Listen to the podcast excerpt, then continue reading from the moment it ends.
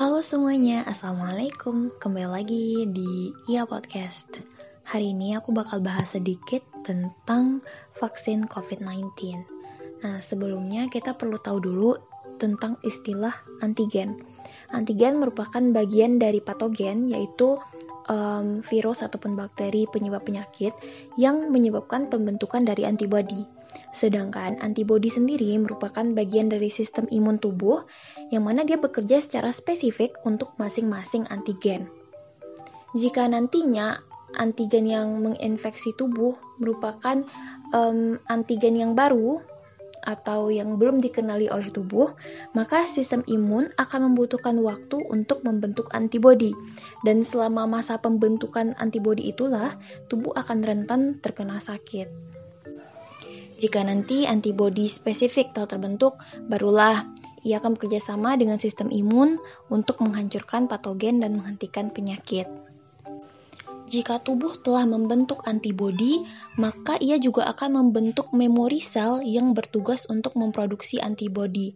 Sehingga dengan semakin sering tubuh terkena uh, patogen yang sama atau antigen yang sama, maka akan semakin cepat dan efektif antibodi tersebut meresponnya karena memori sel juga telah siap untuk mengeluarkan antibodi uh, untuk menyerang antigen yang uh, menginfeksi. Artinya, jika seseorang terkena patogen berbahaya di kemudian hari, maka sistem imun mereka akan mampu merespon dengan cepat penyakit tersebut. Oke, selanjutnya kita bakal membahas tentang cara kerja vaksin. Nah, vaksin sendiri merupakan um, ya ada banyak tipenya dan mulai dari yang ada dilemahkan, ada yang nonaktifkan dan lain-lain, yang mana dia dapat memicu respon imun dalam tubuh. Perlu digarisbawahi bahwa versi ini atau vaksin ini tidak akan menyebabkan penyakit pada orang yang menerima vaksin tersebut, namun akan mendorong sistem imun mereka untuk merespon sebagaimana jika tubuh terkena patogen yang sebenarnya. Nah, tujuannya untuk apa?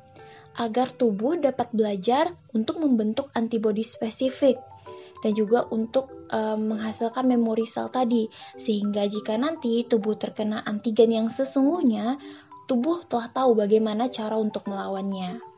Oke, selanjutnya kita bakal membahas tentang tipe vaksin. Nah, ada tiga pendekatan utama dalam pembuatan vaksin. Yang pertama menggunakan keseluruhan bagian virus. Ini terbagi lagi uh, itu ada yang pertama vaksin terinaktivasi, di mana virus yang diinaktivasi dengan cara dibunuh uh, bisa menggunakan bahan kimia, panas atau radiasi. Yang kedua menggunakan vaksin yang telah dilemahkan, uh, di mana ini merupakan uh, menggunakan virus tersebut ataupun virus yang sangat mirip yang telah dilemahkan. Tapi mungkin uh, jenis vaksin ini tidak cocok untuk orang yang bermasalah terhadap sistem imunnya. Yang ketiga, vaksin viral vector di mana menggunakan uh, virus yang aman untuk mengirimkan bagian tertentu yang spesifik dalam kasus ini yaitu adalah protein dari virus sehingga ia akan memicu respon imun tanpa menyebabkan penyakit. Nah, jadi uh, vektor yang digunakan itu seperti kendaraan yang mengantarkan uh, protein tersebut, di mana uh, vektor ini tidak berbahaya bagi tubuh dan tidak akan menyebabkan penyakit.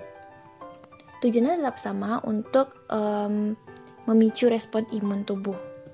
Kemudian pendekatan yang kedua yaitu hanya menggunakan sebagian dari virus yang akan memicu sistem imun atau disebut juga dengan subunit di mana uh, subunit dari virus yang dibutuhkan oleh sistem imun untuk mengenali virus dapat berupa protein jika dalam uh, kasus COVID-19 ini. Pendekatan yang ketiga yaitu hanya materi genetiknya um, atau disebut juga dengan vaksin asam nukleat. Pendekatan ini merupakan pendekatan yang cukup baru dalam pembuatan vaksin, di mana um, bagian protein dari virus akan ditranslasi menjadi mRNA dan nantinya mRNA ini yang uh, akan masuk ke dalam tubuh tentunya dengan bantuan um, semacam vektor berupa lipoprotein dan lain-lain.